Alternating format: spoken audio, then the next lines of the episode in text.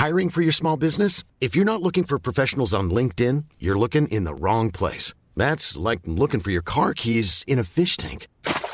LinkedIn helps you hire professionals you can't find anywhere else, even those who aren't actively searching for a new job but might be open to the perfect role. In a given month, over 70% of LinkedIn users don't even visit other leading job sites. So start looking in the right place. With LinkedIn, you can hire professionals like a professional. Post your free job on linkedin.com slash people today.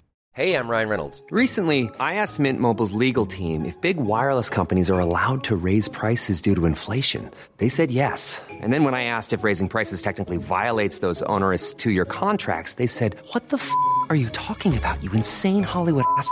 So to recap, we're cutting the price of Mint Unlimited from $30 a month to just $15 a month. Give it a try at mintmobile.com slash switch. $45 upfront for three months plus taxes and fees. Promo rate for new customers for limited time. Unlimited more than 40 gigabytes per month. Slows. Full terms at mintmobile.com.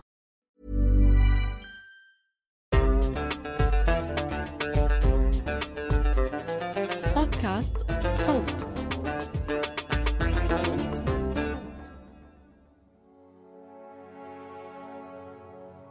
راس بن بركة المدفون في المغرب ماشي هو السيناريو الوحيد للاختفاء. كاين سيناريو آخر كتورط فيه إسرائيل. سيناريو كيبين شكل التعاون المغربي الإسرائيلي لسنوات قبل اختفاء المهدي. عام 1961 كيتفق الملك الجديد للمغرب الحسن الثاني ورئيس الوزراء الإسرائيلي ديفيد بن غوريون على سفر عدد من اليهود المغاربة لإسرائيل. مقابل تدفع إسرائيل 500 ألف دولار أمريكي للمغرب. بالإضافة ل 100 دولار على كل فرد كيخرج من الرباط متجه لتل أبيب. ومبلغ 250 دولار أمريكي على كل مهاجر إضافي بعد ذلك. وتقدم إسرائيل الدعم للمغرب بالسلاح والتدريب المخابراتي هاد عملية التعاون تسمات بالعملية ياخين مصادر كتخبرنا أن علاقة الحسن الثاني باليهود ممتدة. نظرا لوجودهم القوي في المملكة. ومن بين المصادر المهدي بن بركة نفسه اللي ذكر معرفته بصفقة تمت بين الأمير الحسن الثاني وإسرائيل لنقل اليهود. أثناء نفي الحسن مع والده محمد الخامس مدغشقر فتح الحسن قنوات الاتصال مع إسرائيل تحديدا سنة 1955 الحسن الثاني ولي العهد وقتها كان يرى نفوذ وتأثير اليهود عالمي سواء في الولايات المتحدة أو إسرائيل. وكيتقال بأن هناك صفقة عقدها الحسن الثاني مع اليهود مضمونها يرجع والده محمد الخامس للسلطة وينتقل عدد من يهود المغرب لإسرائيل وتشتغل المؤسسات اليهودية ومن بينها حكومة إسرائيل على حماية وسلامة الحكم الملكي في المغرب.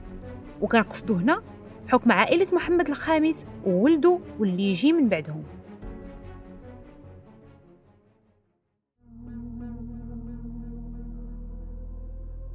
أهلا بكم في الحلقة الرابعة من بودكاست أحراز موسم سنوات الجمر والرصاص وأنا ميساء الجناي نكمل مع بعض رحلة نبش ملف تاريخي الجريمة تحاول بعض الأطراف طمس معالمها. إخفاء حقيقتها. جريمة اختفاء السياسي المغربي اليساري المهدي بن بركة أثناء الاستماع الحلقات ربما تجدون مشاهد صادمة أو مؤلمة. لذا وجب التنويه.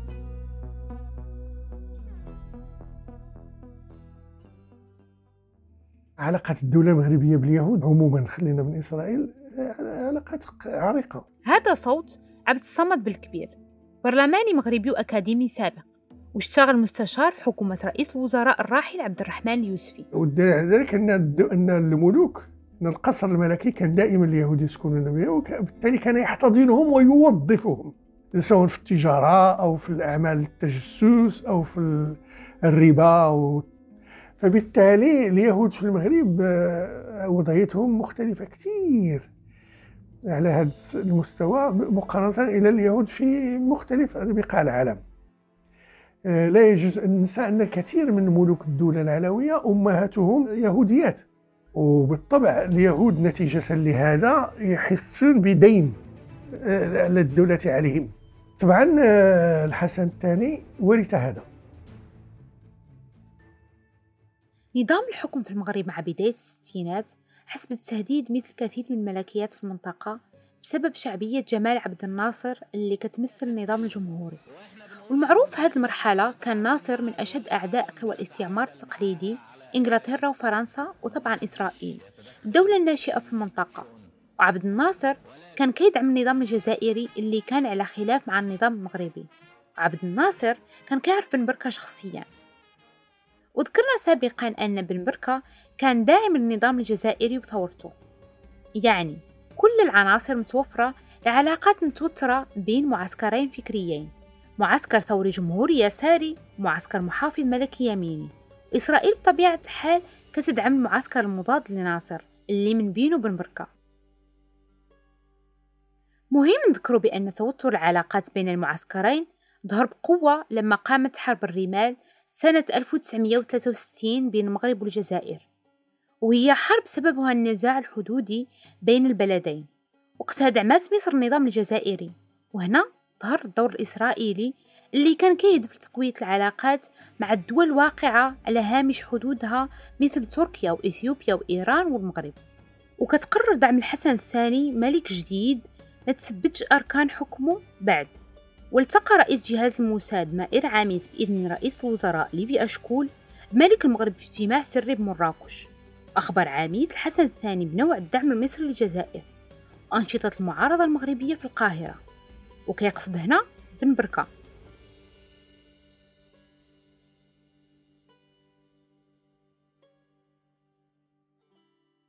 المهدي يوم وقع عليه الضيق داخل الوطن وبقى دائما في المفار. الطاقة ديالو هي كبيرة جدا. هذا صوت محمد النشناش واحد من معاصري بن بركة هو طبيب وحقوقي ومن بين العاملين على ملفات هيئة الإنصاف والمصالحة. أنا أتذكر انعقد مؤتمر الشعوب الإفريقية في تونس. أنا كنت معه هناك في عام 58 في هذا المؤتمر ورأيت كيف الناس تتعلق بالمهدي كيف تستمع إليه. فلهذا هو آه، أخذ رؤية آنذاك من أجل آه، يعني تعبئة الشعوب في العالم ضد الاستعمار الجديد. وكان عنده هذا نفس الدور لمناهضة الصهيونية يعني المهدي المهدي كان هو أكبر من رجل وطني مغربي. كان أوسع من ذلك. طاقة له كبيرة جدا. بشير بن بركة كيشوف بأن تواجد إسرائيل في المشهد كيكمل أضلاع الجريمة. التورط هو شيء أكيد. وبالنسبة لعلاقة الحسن الثاني بإسرائيل أنا أظن ليست يعني أنا لا أطرحها في إطار صداقة. هناك تواطؤ سياسي. بالنسبة للدول الصهيونية بالنسبة لإسرائيل تواجدها في تواطؤ اختطاف المهدي وتواجد يعني من مصلحتين أولا مصلحتها في علاقتها مع الدول المغربية لأن الكل يعلم هو شيء مؤكد أن آه، لقاءات سرية لرؤساء العرب في القمة العربية في المغرب تم تسجيلها من طرف نظام الحسن الثاني وتسليم هذه هذه التسجيلات إلى المخابرات الإسرائيلية. ففي المقابل كان هناك طلب من طرف النظام المغربي لدى السلطات لدى الموساد لمساعدة النظام المغربي لمتابعة مهدي وللمساهمة في اختطافه واغتياله. نظرية البشير بن بركة كيدعمها الصحفي الإسرائيلي رونين بيرغمان في كتابه Rise and Kill First واللي ذكر فيها أن المغرب حصل على خدمات استخباراتية وتكنولوجية قيمة من إسرائيل وفي المقابل سمح الحسن الثاني بهجرة اليهود لإسرائيل وحصول إسرائيل على إنشاء مقر دائم لها في الرباط للتجسس على الدول العربية. بدأت زيارة الرئيس جمال عبد الناصر الرسمية للمغرب على إثر انتهاء مؤتمر القمة العربي السادس الذي أقيم بالدار البيضاء. وغادر الرئيس مع مرافقيه الدار البيضاء إلى الرباط وقد صحب الرئيس سمو الأمير عبد الله ولي العهد. بيرغمان في نظريته على تورط إسرائيل كيقول بأن الملك الحسن الثاني تعاون مع الموساد وأتاح لهم فرصة وضع أجهزة التنصت على غرف الاجتماعات والغرف الخاصة بالرؤساء العرب وقادتهم العسكريين الحاضرين للقمة العربية في الرباط في سبتمبر من عام 1965 كيتضح بأن علاقة إسرائيل والمغرب قوية لكن واش كتوصل متانة العلاقة؟ تورط إسرائيل نفسها. اختطاف بن بركة؟ واش لأنه صديق عبد الناصر مثلا؟ ولا لأنه كيعارض الحسن الثاني؟ الواقع كيقول لنا بأن الصورة أكثر تعقيد من ذلك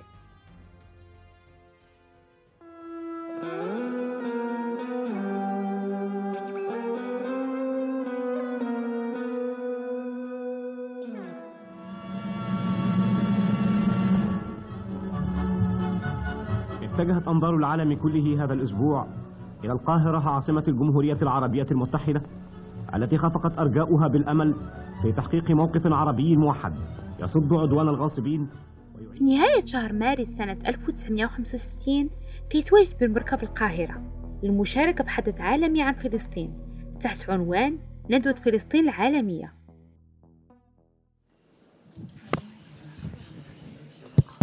إن الموضوع الذي شرفني الإخوان بأن طلبوا مني تقديمه في هذه الندوة هو دور إسرائيل في إفريقيا أو ما يمكن أن نسميه بالواقع الإسرائيلي في القارة الإفريقية. من واجبنا أن نعلن رفضنا لهذا الواقع ككل واقع استعماري لأننا نرفضه كعرب ونرفضه كمناضلين ثوريين نرفضه كعرب لأن دور إسرائيل في إفريقيا هو جزء من مخطط استعماري ضد الثورة العربية. ونرفضه كمناضلين ثوريين لأن دور إسرائيل في إفريقيا جزء من الخطة الاستعمارية ضد الحركة التحريرية العالمية.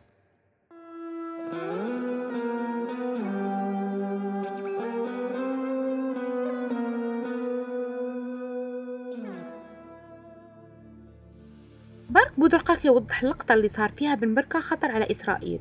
وكذلك أدركت الولايات المتحدة أن تأثير بن بركة كيتجاوز حدود المغرب والمنطقة العربية. في شهر مارس 1965 المهدي بن بركة ألقى محاضرة في القاهرة أمام اتحاد طلبة العرب حول التغلغل الإسرائيلي في إفريقيا. وأثبت يعني علميا بحجج كيف أصبحت إسرائيل ترسل مهندسيها وتقنييها إلى إفريقيا لمساعدة الأفارقة على الزراعة وتطوير الوادي في الوقت الذي كان يذهب المهندس المصري بالبابيون والبايب والبيبا وهذه المسائل وكي السياسة التي تعملها إسرائيل لفصل إفريقيا عن العرب. هذه كانت بالنسبة للمخابرات الإسرائيلية ضربة في الصميم. لماذا أمريكا أيضا حتى هي؟ أولا المهدي بن بركة أصبح يلعب الدور عن الصعيد الدولي. لعب المهدي بن بركة كيف تصبح يعني قارة الثلاث يعني إدماج أمريكا اللاتينية أيضا. هذه الأشياء تزعجهم أيضا ويزعجهم أيضا الدور الذي يقوم به هذا بن بركة في حركة التحرر. فهذه كلها أصبح يزعج الجميع. كلامه كيوضح المهدي بن بركة مدى التغلغل الإسرائيلي في أفريقيا وكيقول تفيد الإحصائيات الرسمية مثلا أن عدد الخبراء التي أرسلتهم إسرائيل للبلاد النامية في إفريقيا وآسيا وأمريكا اللاتينية من 1958 إلى 1963 وصل 1502 خبير منهم 908 لإفريقيا وحدها وفي سنة 1963 وحدها 544 خبير ل 850 دولة نامية منهم 424 خبير ل 30 دولة إفريقية Hey, I'm Ryan Reynolds. At Mint Mobile, we like to do the opposite of what Big Wireless does. They charge you a lot, we charge you a little. So naturally, when they announced they'd be raising their prices due to inflation, we decided to deflate our prices due to not hating you. That's right. We're cutting the price of Mint Unlimited from $30 a month to just $15 a month. Give it a try at mintmobile.com slash switch. $45 upfront for three months plus taxes and fees. Promo for new customers for limited time. Unlimited more than 40 gigabytes per month. Slows. Full terms at mintmobile.com. If you thought the only way to get a more defined jawline with natural looking results was through surgery, think again. Juvederm Volux XC is a non surgical injectable gel filler that improves moderate to severe loss of jawline definition and can help you achieve natural looking results with little downtime. Even better, this improved definition lasts up to one year with optimal treatment. No maintenance required. Improve jawline definition for a smooth, sculpted look with Juvederm Volux XC. For important safety information and to find a licensed specialist, visit juvederm.com. That's J U V E D E R M.com. Not for people with severe allergic reactions, allergies to lidocaine, or the proteins used in Juvederm. Common side effects include injection site redness, swelling, pain, tenderness, firmness, lumps, bumps, bruising, discoloration, or itching. There's a risk of unintentional injection into a blood vessel, which can cause vision abnormalities, blindness, stroke, temporary scabs, or scarring. Talk to a licensed specialist to find out if it's right for you. بشير بن بركة كيوضح بأن مصالح إسرائيل لم تكن خدمة ملك المغرب فقط.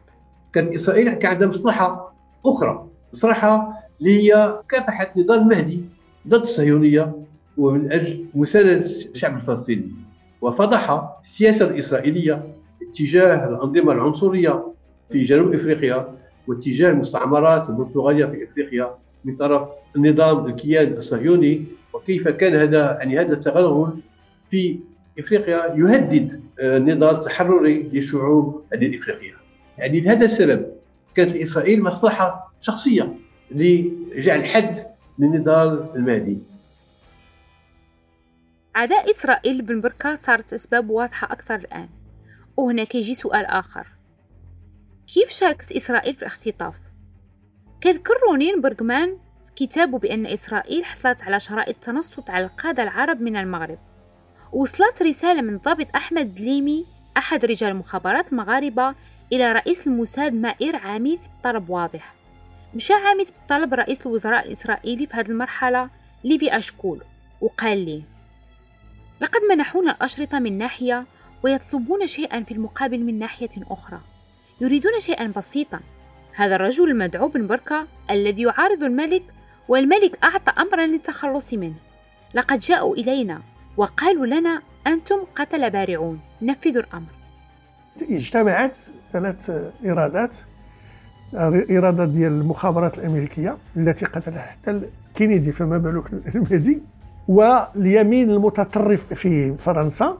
بان دوغول بانه كان مستهدف أيضا والاغتيال المهدي كان مقصود به. دوغول ثم إسرائيل بالمساعدات اللوجستية في الغالب لأن هي ماشي ما تقدرش توصل للمستوى. وهما اليهود عموما يساعدون على الشر. ثم اليمين آه، الذي بدأ يتحول أفقر ذاك لوقيتا ودليمي إلى آخره. الذي بدأ يتحول من الموالاة لفرنسا إلى الموالاة لأمريكا. رئيس جهاز الموساد وجد بأن إسرائيل واقعة بين خيارين صعبين.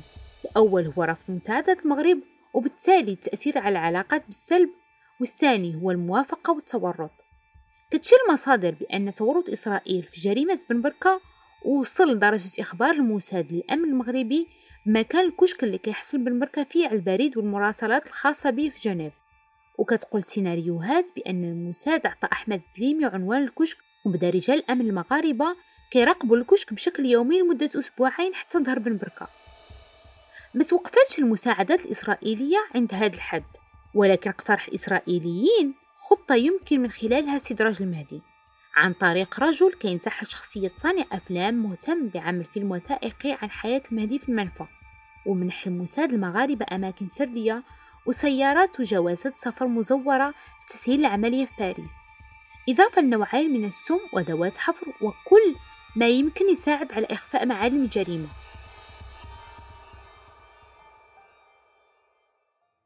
يمكن تسألوا لماذا أو علاش باريس؟ لماذا أو علاش لم يتم خطف بن بركة في جنيف أو القاهرة مثلا؟ إجابة هي إسرائيل مقال منشور في صحيفة يديعود أحرونوت إسرائيلية بعنوان أشباح غابة سان جيرمان تذكر بأن أهم مكان عمليات إسرائيل مخابراتية في أوروبا كان باريس خاصة في العلاقات بين فرنسا وإسرائيل اللي كانت كتساعد قصر الإليزيه في مواجهة الثورة الجزائرية. وبالتالي بن بركة أو بابا بطرة الاسم الكودي لبن بركة في ملفات الموساد صار هدف سهل إسرائيل في باريس. تكون الخبرة والتقنية طبعا إسرائيل عندها خبرة في كما عندها في الفلاحة غيكون عندها في الأمن. وراه شفتي التحفظات اللي عند بعض الحقوقيين اللي هما موضوعيين كيقولوا بأنه هذاك التعاون المخابراتي الدولة تتدرع بأنه مفيد لها في القضية الوطنية في الدفاع في الوحدة في الأمن العام في كذا إلى آخره. ولكن إحنا كنقولوا كما قيل في الإرهاب قانون الإرهاب استعملوا هذا ضد ضد المناضلين وضد الحقوقيين وهذا هو الخطورة ديال الأمر. بعض النظريات كتقول بأن فكرة لقاء بن بركة في مقالب مع المخرج الفرنسي من تخطيط الموساد وكيتقال بأن أحمد دليمي طلب من الموساد أثناء تواجده في باريس يوم الثاني من نوفمبر سمو جوازات سفر وأدوات حفر. معنى ذلك حسب النظرية الإسرائيلية أن بن بركة بقى حي لمدة ثلاثة أيام تقريبا لكن كان كيتعرض لتعذيب شديد من قبل أحمد دليمي لكن سم لما وصل لباريس ما كانش عنده أثر لأن بن بركة كان متوفي. وهنا توجد رواية بأن العصابة الموجودة في مكان الاختطاف كانت كتسابق في تعذيب بن بركة وتفنوا في تعذيب واستخدموا السجائر وأطفأوها في جسده وكذلك الصعق الكهربائي وتغطيس راسه في حمام ما معفن. وكتستكمل الروايات بأن المهدي في كل مرة كان رأسه كيتوضع في الماء وكيحاول أعضاء العصابة يحصلوا على معلومات منه كيلفظ المهدي الماء وكيلعن الملك. حتى وضعوا راسه في الماء مدة أطول حتى تحول وجهه للون أزرق. ما كانش المغاربة متوقعين حسب الرواية الإسرائيلية يموت بن بركة بين يديهم وطلب المغاربة النجدة من الإسرائيليين اللي خداو الجثة ولفوها وحطوها في السيارة ومشاو بالجثة لوحدة من الغابات اللي كتمشي ليها الأسر التنزه غابة سان جيرمان. تما تحفرات حفرة عميقة وتوضعت الجثة فيها وتسرمت فيها بعض المواد الكيماوية المخصصة لتذويب الجثة. لا هو التناقضات ديال إسرائيل راه كبيرة لأن في آخر المطاف إسرائيل راه أداة من أدوات الإمبريالية والإمبريالية حكمت عليه بالإعدام سلفا بالتالي بسبب مؤتمر القارة الثلاث اللي كان بيخرج كوبا من عزلتها وبينظم حركة يعني ما يحصلوا الآن بعد ما توضح الدور الإسرائيلي وتفاصيله حسب الروايات فين الدور الأمريكي في الاختطاف؟ الولايات المتحدة ما كانتش متورطة بشكل مباشر الاختطاف ولكن مصالحها واضحة. لأنها أرادت إفساد مؤتمر القارات الثلاثة في هافانا وضغطات وكالة الاستخبارات الأمريكية CIA على الملك يرجع بن بركة للمغرب للتأثير عليه وصرفه على توجهاته الفكرية وأنشطته على الأرض. لكن لما الأمر فشل عطاو الضوء الأخضر لجنرال أفقي يكمل الخطة. الأمريكيين كانوا خايفين يجي بن بركة بجيش من الروس والكوبيين والصينيين المغرب وأفريقيا عامة وبالتالي تنقلب الكفة لصالح المعسكر الشرقي. اللافت النظر خلال بحثنا في الوثائق تشيكوسلوفاكيا واحد من التقارير شال تواصل الأمريكان مع بركة لتجنيده براغ الثامن عشر من فبراير سنة 1963 في الاجتماع الثاني مع الشيخ ستكون قد تمت مقابلته الرامية إلى موافقته المبدئية على التعاون السياسي. وبالتأكيد على أننا نعتبره رجلنا أيديولوجيا لكن هناك بعض الأشياء التي نود أن نناقشها معه بروح الرفاق ومن بينها. تعامله مع الولايات المتحدة مثل رحلته إلى هناك سنة 1956 واتصاله مع الدبلوماسي الأمريكي مينوت وجهود هذا الأخير لتجنيد الشيخ لصالح الولايات المتحدة وأساليب ضغط الولايات المتحدة على بن بركة للاقتراب من الملك والانضمام إلى حكومته والعودة إلى المغرب. وبالمناسبة يمكن أن يتم استجوابه حول سياسة الولايات المتحدة في المغرب وأفريقيا والخطط الأمريكية في هذه المناطق.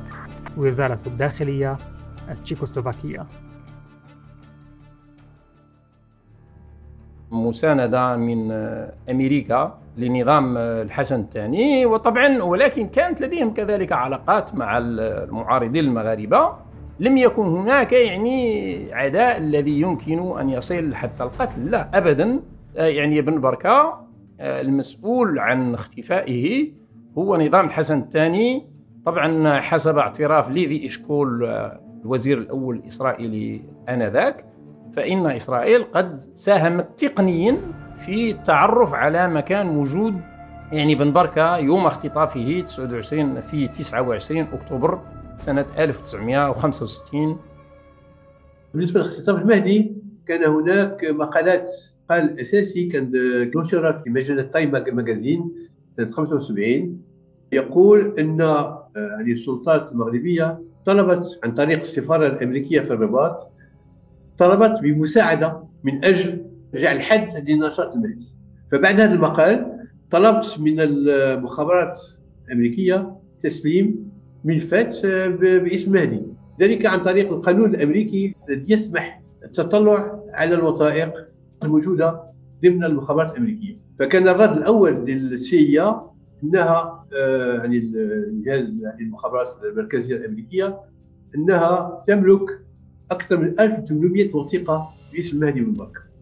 وطلبت مني آه، يعني ثمن فوتوكوبي حتى تبعث لي هذه يعني هذه الوثائق.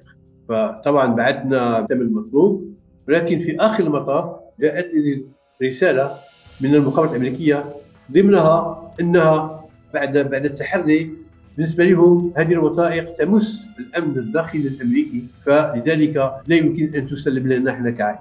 ولحد الآن لم تسلم بأي وثيقة طرف المخابرات الأمريكية. اللي كيقولوا المعطي منجيب البشير بن بركة هنا كيوضح حجم كل طرف في القضية والدور الأمريكي حتى لو كان صغير لكن كان مهم لأن الولايات المتحدة من المؤكد عندها وثائق كتخص اختفاء بن بركه في عام 2001 نشرت وكالة الاستخبارات الأمريكية CIA بعض الأخبار متداولة عن موضوع بن بركة يمكن لكم تلقاوها على الإنترنت. أحد الأخبار كان منشور يوم 3 ديسمبر 1965 أي بعد حوالي شهر من اختطاف بن بركة وتذكر في الخبر بأن CIA ضمن المتهمين في قضية اختفاء بن بركة حسب بعض التحليلات بسبب مؤتمر هافانا. وهذا معناه بأن الاستخبارات الأمريكية يمكن تفتح ملف بن بركة للعامة خاصة في ظل قانون رفع السرية عن الوثائق واللي كيفتح الملفات للعامة والباحثين بعد 25 سنة. لكن كالعادة هناك استثناءات. البشير بن بركة ومحمد بن شناش كيعلقوا على مسألة كشف الوثائق. المخابرات الأمريكية والإسرائيلية ترفض تسليم ملفاتها إلى القضاء الفرنسي. هذه يعني صعوبات الآن ما زالت مستمرة لحد الآن بعد 58 سنة اختطاف اغتيال المهدي شيء جعلنا نتساءل لماذا هذا الخوف من الحقيقة؟ يعني المؤامرة التي أدت إلى اختطاف المهدي ما زالت مستمرة بين كل هذه الدول بين كل هذه الأجهزة من أجل الصمت من أجل عدم يعني نحن كعائلة يعني لمعرفة الحقيقة لمعرفة مصير المهدي لمعرفة أين الجثه ولتحديد كل المسؤوليات. آه مؤكد أكيد شوف مثلا إسرائيل كشفت عدد من الوثائق ديالها ومشاركتها في العملية. يعني لا, لا تخفي ذلك. أمريكا كذلك يعني عندها واحد الوقت تكتشف قانونيا الوثائق تخرج للوجود. الفرنساويين يعني بهذه قضية السيادة وقضية أن المس بالأمن الوطني يحتفظون عليها. ولكن مؤكد أنه يجي واحد الوقت وتكون حكومة تقدمية وحكومة يعني غير مرتبطة بالمصالح كما هو الآن.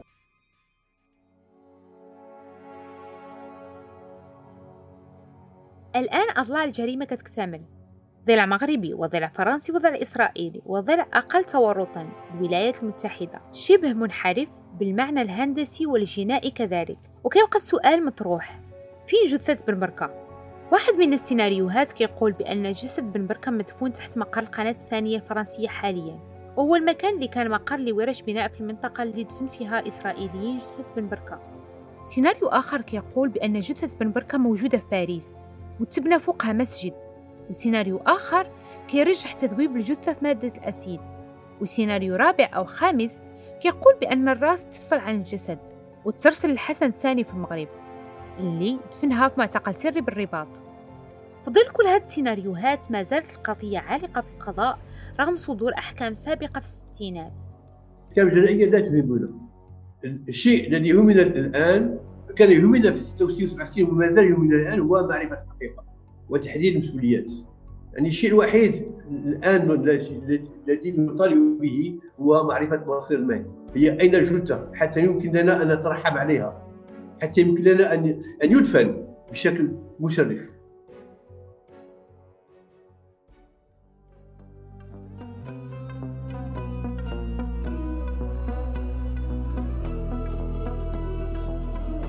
انتظرونا في الحلقة القادمة للحديث عن الموقف الراهن لقضية بن بركة ومستقبلها في ظل تكتم كل الجهات السياسية المتورطة. كنت معاكم من التقديم ميساء الجناي من الكتابة والإنتاج أحمد إيمان زكريا وشارك في تحضير المقابلات وإنجازها ياسر المختوم من التحرير تالا حلاوة تدقيق المعلومات حنين صالح. من الإخراج الصوتي حسام علي. فريق التسويق والنشر غسان يونس بيان حبيب عمر خطاب محمد ياسر. يمكن لكم الاستماع لجميع حلقات الموسم دفعة واحدة إذا اشتركتوا على صوت بلاس بودكاست أحراز من إنتاج صوت